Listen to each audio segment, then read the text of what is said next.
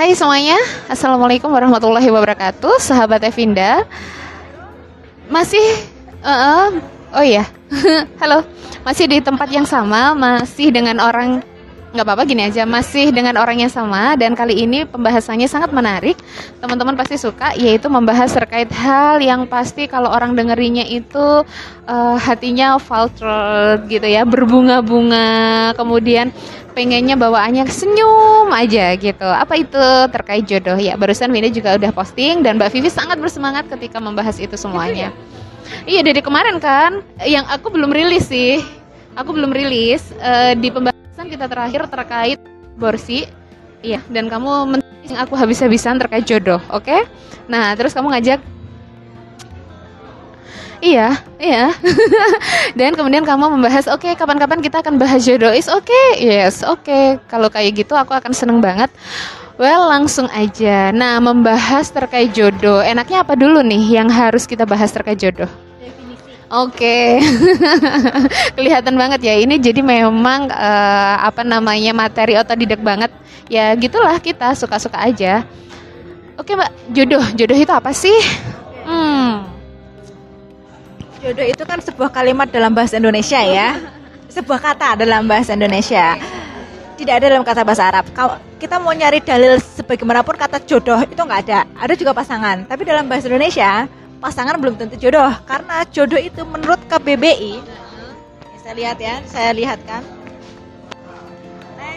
KBBI jodoh adalah orang yang cocok cocok menjadi suami atau istri pasangan hidup atau sesuatu yang cocok sehingga menjadi sepasang atau pasangan. Cocok tepat. Bukan sekedar orang yang tiba-tiba jadi suami kita tiba-tiba. Orang yang kemudian menjadi pasangan kita enggak enggak seperti itu. Tapi perlu digarisbawahi adalah cocok. Jadi kalau orang mengatakan bahwa jodoh itu dengan definisi kata cocok tadi yang namanya jodoh itu adalah uh, sesuatu yang ya udahlah terima aja emang jodohnya begitu. Enggak jodoh itu sesuatu yang diperjuangkan. Kecocokan itu selalu diperjuangkan. Oh jodoh itu diperjuangkan ya mbak? Iya karena definisinya cocok. Bukan tiba-tiba bukan tiba-tiba menjadi pasangan gitu. Kalau menjadi pasangan mungkin bisa saja tiba-tiba kayak di sinetron sinetron gitu ya. Uh, kecelakaan terus amnesia terus tiba-tiba jadi kakak oh, bener-bener kayak gitu gitu, gitu. itu itu memang bisa menjadi tiba-tiba menjadi pasangan ya. Itu oke okay, itu sesuatu yang diterima aja lah gitu tapi kalau untuk masalah jodoh dengan definisi tadi ya jodoh adalah cocok. Membangun kecocokan itu kan nggak mudah. Nggak ada orang kebetulan cocok itu nggak ada. Yang ada adalah membangun kecocokan. What about chemistry? Uh, itu materi kuliah saya, chemistry, organic chemistry. uh, enggak kan ada mbak yang mau sebutannya wah aku kayak ada chemistry banget nih antara kita gitu. chemistry itu dibangun okay. bukan tiba-tiba tapi aku pernah loh mbak tahu tahu cocok nyambung kan setelah ngobrol kan? Nah yang ngobrol itu kan sebuah upaya memilih tema yang tepat kita menanggapi dengan respon yang tepat gitu. Ya memang tidak semua orang itu juga ngobrol juga nyambung gitu. Tapi ya, ya seperti itu tadi. Uh, kecocokan itu tidak hanya sekedar tiba-tiba cing tiba-tiba cocok ya. Karena cocok kan bukan bukan hanya sekedar enak dibuat uh, ngobrol tapi juga visi ke depan yang sama kerja sama yang lain bagi berbagi beban gitu itu kan seperti itu. Sehingga jodoh dengan definisi kecocokan tadi itu diperjuangkan. Hmm. dibangun dengan komunikasi yang baik. Hmm. nah terus nih kebanyakan orang itu selalu bertanya-tanya kayak gini e, siapa ya jodohku? gitu. Nah kalau orang sekarang itu kan akhirnya mereka itu kayak mencari-cari jodohnya itu dengan pacaran gitu ya bahkan kalau misalkan aku pernah kan ya gitulah mbak kalau misalkan aku pulang ke rumah itu selalu ditanya terkait itu gitu. Siapa? Oh mbak Vindi itu kalau misalkan di sana udah punya ininya ya gitu. Selalu kayak gitu gitu. Terus nah, aku jelasin kan konsep e, mbak Vindi udah punya kan gitu. Jawaban gue gimana? Iya udah punya gitu. Oh iya siapa? Siapa? Di Lau Mahfud gitu. Aku jelasin. Terus nanti obrolannya itu jadi agak lebih panjang dikit gitu di uh, apa namanya maksudnya loh maksud itu gimana? Terus aku jelasin kan konsep uh, mencari jodoh di dalam Islam. Bagaimana kalau hmm. kita ganti kata saja? Mencari pasangan jangan jangan mencari jodoh. Karena yang ada dalil-dalilnya itu terkait dengan pasangan, pasangan. Okay. bukan jodoh. Kan pasangan Oke, gini jodoh ya? cocok ngobrol ya uh, enggak maksudnya kita memang sekarang ini lagi berjodoh nih ketemu. Ya karena cocok tepat. Co- eh, jodoh waktunya tepat waktunya cocok waktunya gitu. Nah, yang ada di dalil-dalil itu katanya pasangan bukan jodoh ya gitu. Nah, kalau udah jadi pasangan insya Allah memang itu berjodoh gitu. Belum tentu. Karena eh, Fir'aun dengan Asia beneran lo baru aku karena pembahasannya biasanya emang eh, ya jodoh dan yang lainnya gitu. Pasangan. Kalau pasangan ya kalau di, di dalil-dalil itu pasangan. Tapi kata jodoh itu tidak ada. Dalam dalil itu nggak ada. Adanya pasangan. Yep, yep, yep. gitu. Asia Asia dan Fir'aun itu kan pasangan. Tapi dia tidak jodoh. Tidak tidak cocok gitu. Dia mereka bersama hanya di dunia. Begitu. Di akhirat ya enggak. Dan memang kehidupan Asia dengan Fir'aun itu kan juga bukan kehidupan pasangan yang serasi yang cocok. Yang satunya satunya mengaku sebagai Tuhan satunya hamba Tuhan yang beneran gitu kan. Juga Nabi Lut dengan istrinya. Nabi Lut dan istrinya. Itu kan juga pasangan tapi tidak jodoh tidak cocok. Satunya adalah hamba Allah yang luar biasa Rasulullah ya. Rasul pada masanya kan. Nah eh, sementara si istri si pasangannya itu adalah pembangkangnya Allah Hmm. tidak cocok tidak cocok gitu. tidak jodoh berarti dia pasangan tapi tidak cocok gitu. Maaf nih. Nah, kita kalau nge-live itu sukanya kayak gini, Mbak. Bisa engage dengan teman-teman. Ini Afni Afni Azizah itu adik aku dulu waktu di kosan. oh gitu Afni apa kabar? Assalamualaikum, Dek. Kalau yang Oke. DJ Besit namanya belum sendiri. Saya mendengar nama Afni kok men- men- membaca nama Afni kok kok kayak nama nama Ini pena saya gitu kan Ah, Afni. Assalamualaikum adik Afni saya. Aziza oh ya Iya, kalau saya pun email saya kan Afni Solihah soalnya.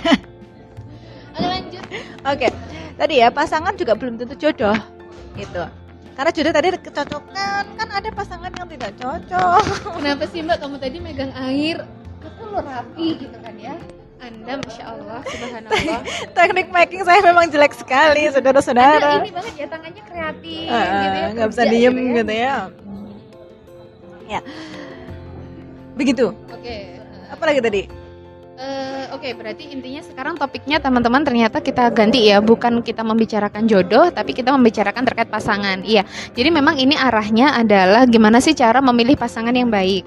Semoga bisa dijadikan pasangan dunia dan akhirat, gitu nggak sih Mbak? Heeh. Oh. Oke oke oke iya. heeh. Nggak, karena beneran loh ini pembahasan baru buat aku karena selama ini memang pembahasannya terkait jodoh jodoh gitu kan ya. Ah, mm-mm. makasih ya. Maklum dia udah belajar duluan. Evinda masih mau belajar. nah terus terkait eh, pasangan, oke kalau begitu eh sebelum pertanyaan gimana caranya mencari pasangan yang baik, hmm, aku pengen bertanya terlebih dahulu terkait eh apa ya? Tadi keinget terus lupa Mbak karena tuh banyak message datang. Eh yaudah deh mungkin pertanyaannya itu dulu. Terus gimana caranya untuk mendapatkan pasangan yang baik? Dan sampai pada perta- per, apa namanya kayak keyakinan gitu loh. That's itu memang pasangan aku.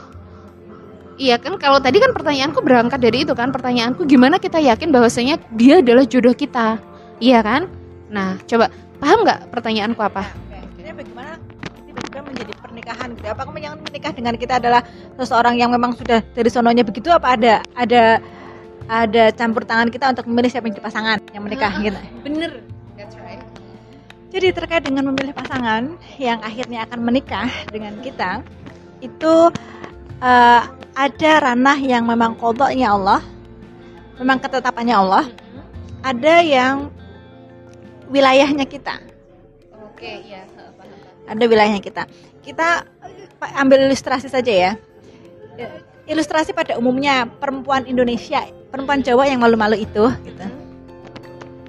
Nah, Perempuan Jawa yang malu-malu itu, bahwa pada umumnya kan laki-laki laki-laki lebih agresif ya biasanya ya. Ya nggak? Eh, Pada umumnya pada umumnya lebih lebih berani melakukan gerakan-gerakan untuk menunjukkan eh, Ketertarikan. ketertarikannya. lebih l- pada umumnya ya sekali lagi pada umumnya karena ada yang tidak umum gitu. Apa itu? yang? Ya laki-laki yang tidak seperti itu. Oh, oh inti intinya kita berbicara mayori gitu ya. Mbak, ya. mayoritasnya begitu. Umumnya laki-laki lebih berani untuk melakukan menunjukkan dahulu, oke saya saya mau kamu, kamu mau nggak sama saya kan begitu? Mau kayak apa? Ya begitu. Oke, kita eh, kita detili sebuah pernikahan. Pernikahan itu kan nggak tiba-tiba kayak kayak di TV itu bangun tidur loh kok tiba-tiba saya sudah punya suami kan nggak begitu ya. Bangun dari koma tiba-tiba sudah punya suami kan nggak begitu gitu. Ini ada proses. Eh, tentang menemukan pasangan kita. Bermula dari pergaulan. Aku kira mau cerita bermula dari tatap mata terus kemudian Eh, itu terlalu sinetron. terlalu drama. Pergaulan. Ya namanya jodoh kan eh, nama pasangan itu kan kemungkinan besarnya muncul dari lingkungan pergaulan kita atau lingkungan pergaulan dari teman pergaulan kita. Iya kan? Nggak mungkin jauh-jauh dari itu. Nggak mungkin ada orang antah berantah yang tidak punya nggak nggak punya mutual friend sama kita jadi jadi pasangan kita. Aneh sekali. Mungkin dari dari teman teman beneran teman kita atau temannya teman kita atau temannya bapak kita atau ponakannya ponakannya temannya bapak kita atau ya pokoknya ada ada kaitan dengan lingkungan pergaulan kita. Iya, Ya. Nah, dari sini kita lahir di mana? Itu kan kode Allah. Kode Allah. Kemudian kita lahir di mana? Ada ratusan orang atau ribuan orang berada di sekitar kita itu memang kode Allah. Tapi kita memilih akan berakrab-akrab dengan siapa? Akan menjalin komunikasi intens dengan siapa? Itu pilihan kita. Lingkungan pergaulan kita itu adalah wilayah ikhtiari kita. Kita yang memilih. Dan biasanya orang kan bergaul dengan orang-orang yang sejenis. Maksudnya bukan sejenis kelamin, Iya. sejenis Orangnya sefrekuensi. sefrekuensi gitu, minat yang sama, pemikiran yang sama atau apalah yang sama. Jadi kalau pe- kalau pengen mendapatkan jodoh yang baik, bergaulah atau pilihlah lingkungan yang baik. Karena biasanya orang ber- orang bergaul dengan orang-orang yang sejenis Hmm. seperti itu. Itu satu lingkungan pergaulan. Di antara lingkungan pergaulan yang mungkin ada beratus orang yang pernah berinteraksi dengan kita, puluhan orang yang menjalin komunikasi intens dengan kita, eh, kita tidak bisa mengatur. Ini posisi sebagai perempuan ya. Umumnya perempuan Jawa yang malu-malu itu, Iya. hmm, itu. Eh, di antara puluhan atau ratusan orang yang berinteraksi dengan kita, kita tidak bisa mengendalikan eh, siapa yang hatinya jatuh pada kita. Iya kan? Itu kodenya Allah. Bagi dari dilihat dari sisi perempuan, itu kodenya Allah. Siapa laki-laki yang menaruh hati pada perempuan tersebut adalah kodenya Allah. Kita nggak punya nggak punya andil seperti itu. Eh, tetapi eh, demikian juga di antara orang-orang yang berani berani eh apa di antara orang-orang yang menaruh hati kepada kita ada satu dua tiga empat lima enam orang misalnya yang yang berani make move gitu. Eh, Make move. respon kita terhadap move-nya mereka itu itu kan wilayah kita. Ya laki-laki juga nggak akan sena- senekat itu ya kalau kita nggak ngasih lampu hijau nggak ngasih harapan ya ketika mereka membuat pergerakan terus kita cuek kita bahkan jual pa- pasang sinyal jelek ya mereka pasti akan mundur gitu seperti itu jadi respon kita terhadap move-nya mereka itu wilayah kita itu akan dihisap jadi kalau kamu merespon gerakan-gerakan dari laki-laki yang nggak jelas dan kemudian pada akhirnya mereka jadi eh, dia jadi pasangan, berarti itu kamu juga ada hisap di situ. Kenapa kok yang kamu respon kok laki-laki yang nggak jelas gitu? Ada lagu bagus. Ini aku suka banget lagu ini. Oke, saya tidak peduli. Ini lagu antara jadi kayak eh, suami ke istri. Oh, Ini iya. Justin Bieber. Suka-suka kau ke sajalah. istrinya. Justin, Lanjut. Justin Bieber udah nikah tahu? Udah. Oke, berarti aku udah tua ya Justin Bieber aja udah nikah. Enggak, dia nik- nikah muda mbak. Kenapa? Karena dia pengen eh, terselamatkan dari dunia sebelumnya. Oke. Oke oke. Eh, begitu. Kemudian ketika kita melakukan respon terhadap move-nya mereka, kemudian oke kita ngasih pintu pintu eh, kita buka pintu gitu ya. Silahkan datang ke orang tua. Begitu misalnya. Itu kan berada di pilihan kita. Eh, bagaimana respon orang tua? Itu juga bukan kewenangan kita. Orang tua bisa menerima bisa menolak. Ya itu bukan urusan kita kita tidak akan dihisap atas itu. Tapi upaya kita untuk mempertemukan mereka, memberikan informasi yang benar terhadap orang tua, memberikan preferensi-preferensi, itu wilayah kita dan itu kita akan dihisap di situ. Kemudian ketika eh, orang tua sudah, oh ya oke saya kembalikan kepada anak saya mau apa enggak? gitu, kamu menjawab ya atau tidak? Untuk ayo kita menikah gitu ya, itu dari wilayah kita. kita akan Tuh sahabatku muncul. halo Ano. Aduh. ngomongin ngomongin pasangan no. Gimana kamu no? Progresnya dong oke Eh, Dor ya jadi begitu dan ketika sudah ketika ya kan Islam juga me- mengatakan ya bahwa perempuan gadis itu tidak dinikahi kecuali atas dasar persetujuannya dan diamnya seorang perempuan adalah dianggap persetujuannya. Jadi kalau kamu merasa nggak cocok, ya jangan diam. Itu ada pilihan. Diam atau bersuara adalah pilihan. Itu akan dihisap. Jadi jangan playing victim. Dapat suami jelek, jelek secara akhlak gitu ya. Pokoknya jelek lah kualitas rendah gitu. Malah ya gimana ya sudah jodohnya begini, jodoh kan di tangan Tuhan. Sebentar dulu, evaluasi dulu sebelum sampai ke akad nikah itu apa yang menjadi peran kamu dan apa yang bukan peran kamu. Yang tahu memang urusannya Allah, tapi yang menjadi peran kamu itu kan eh, akan diminta pertanggungjawaban. Betul kamu tidak tidak bisa mengatur hati siapa yang akan terpaut padamu, tapi kamu bisa merespon merespon hatinya siapa yang akan kamu respon. Yang Nyaut sinyalnya. Hmm, seperti itu. Atau kalau memang yang kamu inginkan itu yang sesuai dengan kriteriamu gitu, nggak ngerespon, eh, nggak nggak nyaut nyaut gitu, ya kamu bisa make move gitu. Bisa make move. Perempuan itu tidak haram untuk membuat gerakan-gerakan duluan itu nggak nggak haram, tapi gerakannya untuk menikah ya, bukan untuk dipacarin gitu. Rasulullah kan beberapa kali ditembak ya, maksudnya bukan ditembak di door gitu. ya, itu seperti itu. Begitu. Jadi jangan jangan pukul rata bahwa jodoh itu di tangan Tuhan pasangan di tangan Tuhan. Enggak begitu. Ada ada hal-hal yang menjadi wilayah kita dan kita akan diminta pertanggungjawaban atas itu. Ada yang memang sesuatu yang keputusannya Allah nggak bisa diganggu gugat gitu. Sampai jam berapa? Oke. Nah, seterus eh, eh, dari sisi Mbak, terus move-nya Roman itu seperti apa? Yang boleh dan yang nggak boleh? Ah, ah. bukan TP-TP tempat pesanan nggak jelas gitu ya ya kalau memang mem- hatinya jatuh kepada seseorang ya tanyakan pada diri sendiri benar nggak kamu itu siap untuk berpasangan dengan dia bener nggak kira-kira dia adalah orang yang kamu inginkan dalam hidup kamu layak nggak Eh, layak nggak dia untuk eh, menjadi imam kamu? Dan seterusnya. Kalau memang kalau memang kalau memang eh, sudah mantap bahwa dia adalah orang yang tepat ya boleh saja dia memulai dahulu datangi dirinya langsung atau melalui utusan. Ingat ya? Yes. Khadijah Iya. tapi dengan dengan utusan ya? Dengan utusan. Ketika Khadijah menilai bahwa Muhammad muda saya nggak bilang Rasulullah karena waktu itu belum jadi Rasul ya. Iya. ketika Muhammad muda itu menarik hatinya. Dan merasa bahwa ini laki-laki yang oke nih untuk jadi pasangan selanjutnya. Move duluan move duluan. Gitu. Meminta untuk maukah eh, anda itu berminatkah anda untuk menikah dengan Khadijah dengan dengan saya gitu misalnya begitu. Itu seperti itu.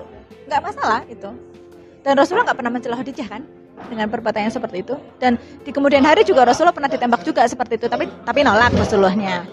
Ya sebenarnya perempuan itu nggak apa-apa make move menawarkan diri untuk dinikahi. Asalkan dalam tanda kutip eh bukan dalam tanda kutip dengan satu catatan bahwa dia siap segala kemungkinan Iya. malu pasti apalagi kalau ditolak Ya, tapi kayaknya bisa jadi loh Mbak karakter perempuan Arab dengan kita beda. Mereka mungkin anti baper klub-klub kalau Indonesia baper. Tapi secara umumnya I know perempuan itu kan memang seperti apa namanya gelas yang rapuh ya.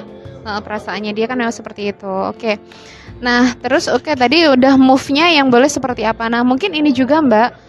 Oh, berarti intinya gini ya, ambil gerakan gerakan yang memang sesuai dengan syariat gitu ya. Kalau misalkan suka ya boleh aja sih menghitbah duluan gitu nggak sih bahas nih bukan mau mau. Hitbah itu adalah istilah hukum syara yang memang dilakukan oleh laki-laki kepada perempuan. Heeh. Kalau perempuan oh single hibahnya kepada walinya, ayahnya, kakak laki-lakinya, dan seterusnya. Tapi kalau janda ke dirinya sendiri, tapi nanti nikahnya sama ke wali gitu. oh aku pernah baca gitu ya oke makasih udah dilurusin Baik, baik. gitu Heeh. menawarkan diri ya Heeh. terus Menawarkan diri untuk hebat adalah laki-laki. oh iya iya emang iya sih Heeh. Terus eh boleh nggak Mbak? Kalau misalkan eh, gini gini gini. Yang ini kebanyakan juga yang banyak disalahpahami gitu ya. Ketika kemudian ada laki-laki datang dengan niat saya pengen taruh dan yang lainnya gitu. Nah terus komunikasi-komunikasi eh, seperti apa sih yang boleh dan yang enggak tolong dong kasih Ana mah arahan. Apalagi kan kamu udah pengalaman gitu Neng. Ta'aruf atau hitbah tidak mengubah status dari orang asing. Posisinya tetap asing sampai akad nikah itu terlaksana. Jadi interaksinya ya interaksi sebagaimana laki-laki dan perempuan pada umumnya begitu tidak boleh kemudian mentang-mentang sudah ta'aruf sudah hitbah nanti jalan berdua ngafe-ngafe berdua ngopi-ngopi cantik itu nggak boleh tetap ngecilin outnya tetap sama sahabat-sahabat solihnya ya Yo, itu seperti itu. Obrolan-obrolan tentang rencana pernikahan ya boleh dibicarakan, tapi tetap tidak boleh keluar. Bisa menghadirkan wali di situ, begitu. Intinya tidak eh, hitbah apalagi cuma ta'aruf itu tidak menghalalkan apa pun. Tidak menghalalkan hubungan yang belum halal sebelum itu. Gitu. Itu kan itu cuma penjajakan. Dan ingat ya, hitbah itu dirahasiakan. Walimah itu disiarkan jangan kebalik nikahnya diem-diem hitbahnya rame-rame gitu enggak hitbah itu dirahasiakan menikah itu disiarkan. Terus kalau apa namanya terkait berarti kayak chat-chat, message-message itu memang kalau pada proses ta'arufnya itu lebih baik didampingi gitu kah? ya Lebih baik didampingi. Terus obrolan-obrolannya juga obrolan-obrolan yang penting ya, bukan yang kayak kayak gitu. Eh, eh, bener udah. Oh, kalau makan emang kelihatan salahnya, Mbak. sosokan sosokan bangunin petahajud bareng yuk Ya bareng yuk, udah sholat belum kayak gitu itu bener-bener kita harus jaga, bener-bener harus nahan kali ya gitu ya. Apalagi kalau udah ada kecenderungan dan yang lainnya gitu. Ya Ha-ha, ha-ha, yaitu di di tidak diperkenankan gitu ya. Ha, karena memang pada dasarnya yang pernah Vinda bilang itu sih eh, antara laki-laki dan perempuan kalau belum menjadi mahram belum menikah ya dia berarti awkward hubungannya gitu ya. Ha, walaupun se, se, se apa seceria cerianya Vinda gitu ya kalau ngobrol sama orang gitu sama kamu gitu ya tetap eh ada sesuatu yang harus ditahan gitu kan ya. Eh, Terus, nah ada pertanyaan penting sebelum kamu pergi Mbak. Oh masih ada waktu, oke. Jadi gini, ketika kita mau menikah, tadi kan Mbak Vivi juga udah bilang bahwasanya eh, siapa yang datang kita bisa memilih ya, itu ranah ikhtiar Siapa kita. yang datang kita tidak bisa memilih Eh, oh, oke. Respon terhadap yang datang itu kita bisa memilih Yes, what I mean.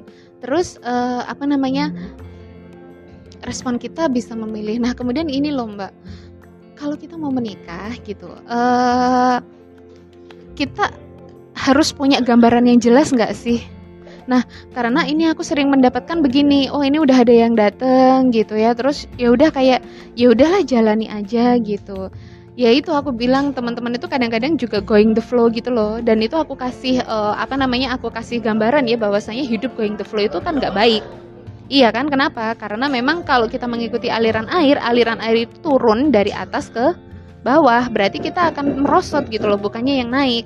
Kalau Vinda sih sepakat, eh, ketika kita hendak memilih pasangan kita, itu adalah kita sudah tahu gambaran seperti apa pernikahan yang akan kita lalui, kemudian kehidupan pernikahan itu seperti apa, keluarga itu seperti apa, kemudian ya bahasanya sih menyatukan cita-cita visi misi itu gitu. Nah, gimana kalau menurut Mbak Vivi? Ya, tentu saja memilih pasangan hidup itu bukan sesuatu yang mudah, bukan sesuatu yang gampang gampang saja. Tuh kan dipegang Vinda gak ada masalah. Kenapa dipegang kamu jadi begitu kata? Ini adalah eh, apa ya? Efek kamu kan dirimu begini-begini begini. Ya, aku tinggal cerita gitunya aja. Oke. Eh, saya tidak sepakat dengan Yang nonton boleh deh bertanya gitu apa gitu yang ingin kalian tanyakan. Emang kedengeran kamu ngomong apa pakai ini? Denger aja. Oke. Enggak baca denger. Ya, oke. Jadi penonton boleh tanya ya katanya kata Evinda. Yang jawab Evinda bukan saya.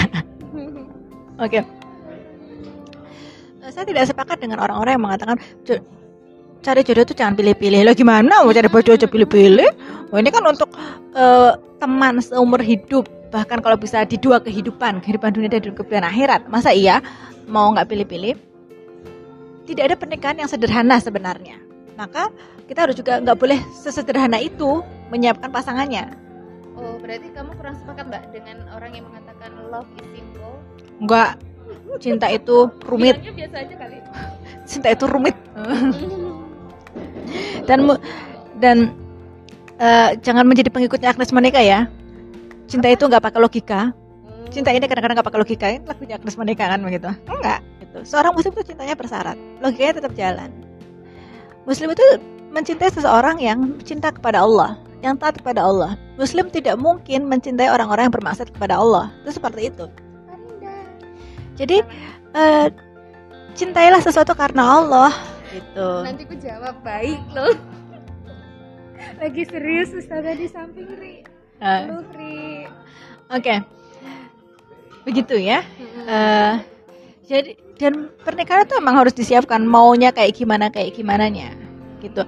Kayak kalau kalau ayah ibunya Salahuddin Al Ayyubi menikah dengan Yesus pokoknya mengandalkan chemistry, mengandalkan cinta bla bla bla itu insya Allah eh, Alkus nggak pernah takluk gitu. Ya karena kan kalau kita baca eh, bagaimana perjalanan kisah cintanya, oh saya bukan jalan per- menuju pernikahannya orang tuanya Salahuddin Al Ayyubi itu kan eh, si bapaknya Salahuddin, bapaknya Salahuddin kan sudah di, dicomblangin macam-macam nggak mau nggak mau mulu kan, nggak mau mau mulu. sampai Iya. sampai orang itu bingung. Yang nyomblang itu bingung, kamu tuh maunya kayak gimana sih? Gitu kan. Si perempuannya juga begitu. Si perempuan dicomblangin nggak mau nggak mau gitu. Kamu maunya gimana sih? Ternyata ketemulah sebuah jawaban yang sama. Saya mau eh, saya mau pasangan yang mau bergandengan tangan dengan saya untuk melahirkan dan membimbing, mendidik orang yang nantinya, anak yang nantinya akan menaklukkan Al-Quds. Itu sebuah visi yang luar biasa. Itu seperti itu. Jadi pernikahan itu memang kalau saya lebih lebih cenderung menikah itu dengan visi, bukan sekedar dengan getaran-getaran cinta itu. Ya meskipun getaran-getaran itu diperlukan dalam pernikahan, tapi itu bukan yang utama. Getaran itu bertahan berapa lama sih? Ah, mudah banget apalagi zaman sekarang Hmm. keluar dari rumah suami atau istri kita itu aduh banyak sekali Iya, jadi jangan hanya mengandalkan getaran. Getaran itu bisa dirawat sebenarnya. Getaran itu mbak kalau dalam hukum fisika getaran itu ada yang bisa didestruksi, ada bisa yang diperkuat Oh, sehingga hilang. Jadi melakukan dumping setelah itu hilang. No. Oh, oke. gitu. ya itulah juga cinta itu juga begitu. Dia itu rapuh gitu, itu rapuh. Dan jangan jangan me- mengagungkan cinta sedemikiannya lah. Cinta itu biasa saja gitu loh. Biasa saja. Itu memang akan menambah keindahan pernikahan. Tapi bukan berarti cinta itu dengan dengan adanya cinta semuanya akan baik-baik saja. Ya enggak juga. Cinta yuk kadang-kadang membuat derita juga. Kayak kipat kai itu kan katanya beginilah cinta dari dulu ceritanya dia udah berakhir. Kira-kira Aku begitu. lupa sih tipatkai kenapa ya tiba-tiba lanjut. tapi sekarang paham tuh Iya. Sun Gokong itu loh. Perjalanan ke barat mencari kitab suci baratnya mana juga itu seperti itu ya. Jadi jangan jangan melakukan tentang cinta. Kan saya belum da- belum ada cinta nih ya. Kalau orang taruh bagaimana mungkin muncul cinta? Sulit membayangkan orang taruh itu muncul cinta.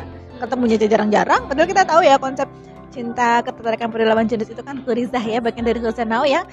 Kemunculannya itu perlu dipantik dahulu. Perlu dipantik dahulu. Gitu. begitu ya. Pantiknya berupa apa? Obrolan kita kemarin menarik banget loh. Pantikannya kan segini. Pantikannya yang Mbak Vivi maksud itu kan kalau kaum muslimin itu apalagi kita Hmm. perempuan Hmm. memilih itu karena empat hal itu. Hmm. Itu kan maksudnya. Hmm. Nah, Hmm. kan karena pantikan eh, kita melihat motiv motivasi kita pengen Hmm. dekat dengan Hmm. beliau itu Hmm. adalah eh, agamanya Hmm. dan yang lain itu kan. Ya kalau belum menikah nggak usah dipantik-pantik nggak. Kalau nggak jadi nikah malah bahaya kan. Ini ini pembicaraan kita kalau sudah kita melihat ibaratnya kita sudah meneropong nih. Hmm. Kayaknya ini gitu. Eh, kayaknya itu kayaknya itu mau kebakalan jadi menikah gitu ya. Ya kita melihat sisi-sisi positifnya yang bisa membuat kita berdecak kagum seperti itu. Yang paling penting pantikan itu harusnya kita lakukan setelah menikah agar Hmm. jangan sampai kita jatuh ke lain hati. Bahaya itu repot repot sekali dosa masalahnya kalau nggak dosa sih nggak apa-apa masalahnya dosa itu loh Apalagi kalau sampai membuat gerakan-gerakan untuk follow up gitu ya follow up pantikan-pantikan ketertarikan itu dosa kan jatuhnya ya, kalau laki-laki sih mungkin memang ada jalan keluar karena dia punya slot 4 kalau perempuan nggak ada jalan keluar kalau sudah menikah nggak boleh ada ketertarikan pada laki-laki lain Oh, oke. Iya kan? Hmm. karena jalan satu-satunya adalah berpisah dengan suaminya dan menikah dengannya. Itu itu pun kalau dia mau. Sementara mem meminta cerai hanya gara-gara aku sudah tidak cinta pada kamu lagi mas itu kan juga nggak boleh. Atau berharap suaminya mati. Gitu. Itu jahat sekali. Nggak usah bahas-bahas itu mbak. Ya makanya kendalikan pantekan itu ya. Nah tadi uh, oke okay, aku sepakat sih dengan apa yang disampaikan Mbak Vivi karena memang aku uh, aku kira itu kemarin itu itu kayak diriku doang gitu loh. Terus apa namanya hmm, kok ribet banget sih? Pengen menikah aja kok ribet banget pilihannya. Terus kan juga aku pernah cerita kan ada temen yang sampai bilang gitu loh ada temen yang sampai bilang Mbak Vinda itu pemilih banget orangnya gitu kan. Ya terus aku bilang lu gimana nggak milih? Hehe hello gitu uh, dan itu dia kali itu temen cowok lomba bilang kayak gitu kan kayak deg gitu kan? Mm temen cowok waktu di S2 kala itu mm, di ruang diskusi terus dia bilang tiba-tiba kayak gitu. Tuh Mbak Vinda itu karena banyak pemilih banyak apa memilih makanya sampai sekarang masih jomblo gitu ya terus aku jawab hey hello gitu kan. Namanya perempuan itu memang harus memilih kenapa? Karena ketika kita menikah kehidupanku itu ada di tangan dia loh. Bilang gitu. Kemudian ketika saya itu menikah dengan dia maka uh, apa namanya uh, apa sih uh, dan saya nanti itu hidup dengan dia itu nggak sehari dua hari bener-bener bahkan hidupku itu kuberikan ke dia. So aku harus memilih dong dengan orang seperti apa saya akan hidup. Nah terus dia bilang oh iya juga sih mbak gitu. Nah hmm, dan kemudian tadi juga aku ingin menanggapi yang gini mbak. Masalah terkait uh, apa namanya nggak apa-apa biarin aja dulu. Uh, masalah terkait Uh, kalau kita menikah ya udahlah uh, asalkan ketemu seperti ini aja gitu. Memang aku juga kurang sepakat. Kenapa? Karena memang kita harus punya cita-cita dan aku sangat tersentuh sekali ya dengan kata-kata di buku itu. Misalnya kita itu harus menjadi orang-orang yang bercita-cita besar, kan begitu ya. Uh, nah bercita-cita besar dan termasuk pernikahan ini harus sesuai dengan cita-cita cita-cita besar kita itu tadi gitu. Nah Kenapa? Karena kita hidup itu harus punya big picture gitu ya. Hidup itu harus punya peta kita itu udah harus tahu gitu loh peta kehidupan kita itu mau ke mana gitu dan pernikahan itu adalah one step one of step dalam hidup kita untuk mencapai cita-cita besar itu untuk mencapai uh, tujuan dari peta kehidupan kita So kalau misalkan kita dalam pernikahan itu jadi gini, kalau orang menikah itu cuman ya udahlah oh ada orang datang terus kita uh, menikah uh, simple simple aja gini-gini dan yang lainnya itu menurut aku ini sepertinya belum punya ini ya belum punya gambaran besar hidupnya itu mau seperti apa. Dia mau mengkreat hidupnya seperti apa. Kalau aku memang lebih sepakat kepada uh, jangan sampai kita itu hidup dibentuk oleh dunia tapi kitalah yang akan membentuk dunia wajah dunia itu akan kita seperti apakan gitu. Itu kan gambaran besar gitu. Nah maka dalam pernikahan ini yang salah satu step aja dalam kehidupan itu harus mengikuti gitu loh. Big picture yang akan kita uh, capture dalam kehidupan kita ini tak nanti. Iya nggak sih mbak? Nah gitu. Jadi teman-teman mulai sekarang yang mungkin belum menikah saatnya ini belajar ya. Ini obrolan ini obrolan singkat kita aja gitu ya. Obrolan nge-live obrolan antar perempuan dan Mbak Vivi itu salah satu teman ngobrol hal-hal kayak gitu gitu. Asik banget kan gitu. Nah mulai sekarang kita kalau mm, hendak menikah eh, siapa pun itu dengerin deh obrolan ini tadi ya. Supaya keluarga kita bisa menjadi keluarga yang uh, baik. Ya sakinah mawadah itu pasti harus kita dapetin insya Allah gitu kan. Setelah itu menjadi keluarga yang memang uh, keluarga yang bervisi gitu ya bukan keluarga biasa-biasa aja bahkan menjadi mohon maaf nih keluarga yang menambah masalah negeri ini iya kan gitu. Nah tapi dan di sini juga aku doain teman-teman nah itu ada Farinda gitu ya uh, yang udah menikah udah punya dua anak. Ya Allah kangen banget aku sama keponakanku. Yang sampai sekarang budenya belum ke sana ontinya belum ke sana. Mohon maaf ya. Dan buat teman-teman itu tadi ada di Afni ada uh, Ano yang sempat mampir. Aku doain semoga kita semuanya mendapatkan uh, pasangan yang terbaik di dunia maupun di akhirat dan itu memang harus kita upayakan mulai sekarang. Gak bisa pengupayaannya itu setelah ada seseorang datang ya bisa-bisa aja tapi itu pasti nggak optimal oke okay? selama masih ada waktu mulai sekarang upayakan itu sebaik-baiknya dan Islam punya caranya semuanya oke okay? tenang aja Mm-mm. Yes. Oke, makasih banyak Mbak. Dan ini aku masih menunggu teman-temanku yang Ya, lainnya. tadi konfirmasi katanya jam 4 baru Amin. Hah, jam 4? What, what, what? Oke lah, is oke. Eh, nah, Mbak Vivi udah mau pergi. Berarti tinggal aku sendiri dan aku mau tutup. Thank you, thank you so much. Gak mau nyium aku? Ah, dasar gak so sweet banget sih Mbak. ya, em, mungkin teman-teman dari sini sebenarnya nggak masalah Mbak. Nanti kalau aku undang lagi nggak apa-apa ya. Obrolan kita kan belum komprehensif banget nih.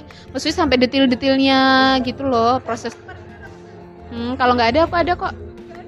Nggak ada. Ya udah nanti bilang aja. Oh jangan deh. Mana ya dompetku Mbak? Aku tidak tahu dompetku di mana. Bukan. Eh? Oh dompetku di dalam sini.